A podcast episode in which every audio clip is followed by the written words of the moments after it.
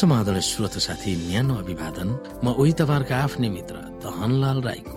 श्रोत साथी आज म तपाईँको बीचमा बाइबल सन्देश लिएर आएको छु।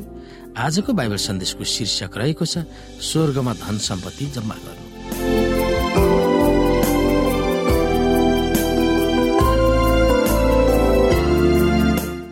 श्रोत साथी आजको अध्ययन मत्ती छ अध्यायको उन्नाइसदेखि एक्काइसबाट। यी पदहरूमा यसुले के निर्णायक सत्यहरू हामीलाई बताइरहनु भएको छ? आउनु श्रोत हामी हेरौँ। आफ्नो निम्ति पृथ्वीमा धन सम्पत्ति नथुपार। जहाँ किरा र खियाले ती नष्ट पार्छन् र जहाँ चोरहरूले घर फोरेर ती चोर छन् तर आफ्नो निम्ति स्वर्गमा धन सम्पत्ति थुपार। जहाँ किराले वा खियाले नष्ट पार्दैन र चोरले पनि चोर्दैन। किनकि जहाँ तिम्रो धन हुन्छन् त्यही तिम्रो मन पनि हुन्छ। धन सम्पत्ति थुपार्यो अनि त्यसको उपभोग नगरिकनै मरेको वा त्यसलाई गुमाउनु परेको मानिसको कथा कसले सुनेको छैन र हाम्रो संसार अत्यन्तै अस्थायी छ र दिगो छैन। युद्धहरू अपराध हत्या हिंसा प्राकृतिक प्रकोप रोग व्याधिले गर्दा हामीले जतिसुकै मेहनत गरेर विश्वासिलो र इमान्दारीपूर्वक कमाए तापनि क्षणभरमा ती सबै नाश हुन सक्छ वा हामीबाट गुम्न सक्छ।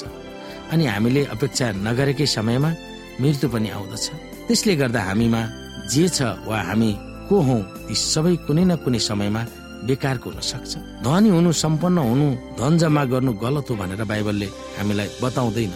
तर यसुले हामीलाई ती पदहरूमा चेतावनी दिन खोज्नु भएको यो हो कि ती सबैलाई हामीले कुन दृष्टिकोणले हेर्ने र प्रयोग गर्ने त्यसमा फरक पर्दछ। स्वर्गमा धन नथुपार्नु भनेको के हो त? त्यसको अर्थ तपाईँको जीवन परमेश्वरलाई पहिलो प्राथमिकता दिने र तपाईँले जे गर्नुहुन्छ त्यसमा उहाँको लक्ष्यलाई समावेश गर्ने। हामी पैसालाई मात्र प्राथमिकता वा पैसा नै सबै थोक हो भन्ने मनस्थितिमा लाग्नुहुन्न।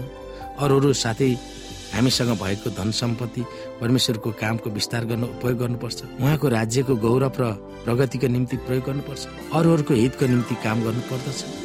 र हामीसँग जे छ त्यो हाम्रो लागि मात्र होइन। अरूहरूको आशिषको निम्ति पनि प्रयोग गर्नुपर्दछ। हामी उदाहरणमा अब्राहमलाई लिन सक्छौँ। जब परमेश्वरले अब्राहमलाई उनको घरबाट निस्कनु भन्दा उनी नाङ्गो झार भएर निस्किन। उनले आफूसँग अथा धन सम्पत्ति पशु र नोकर चाकर आदि पनि लगेका थिए। अब्राहम र उनको परिवारले सारा संसारका मानिसहरूलाई आशिषको हुन उहाँले उनलाई बोलाउनु भएको थियो। परमेश्वरको मित्र कहलिने अब्राहमको बारेमा यसरी लेखिएको छ उत्पत्ति बाह्र अध्यायको एकदेखि तिनमा।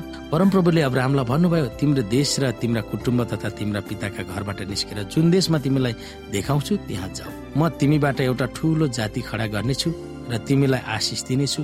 म तिम्रो नाउँ प्रसिद्ध गराउनेछु र तिमी आशिषको मूल हुनेछौ।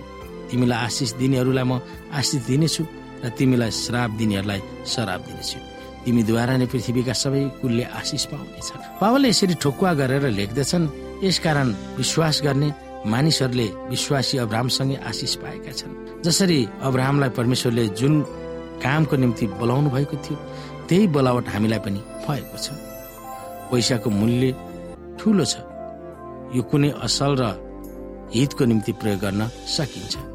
परमेश्वरका छोराछोरीहरूको निम्ति पैसा भनेको भएकाका भोकाएकाहरूलाई खाना तिर्खाएकालाई पिउने पदार्थ र नाङ्गोका निम्ति लुगा फाटा हुन्।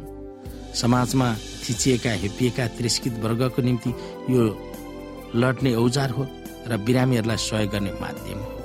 तर जीवनको आवश्यकतालाई पुरा गर्न अरूहरूलाई आशिष दिन यसुको कामलाई विस्तार गर्न पैसा प्रयोग गरिएन भने यो बौला जस्तै हुन्छ।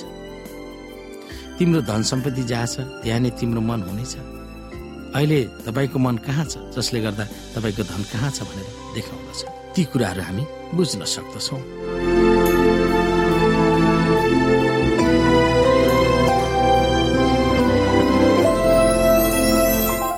श्रोत साथी आजको लागि बाइबल सन्देश यति नै। हस्त नमस्ते जय मसिंह।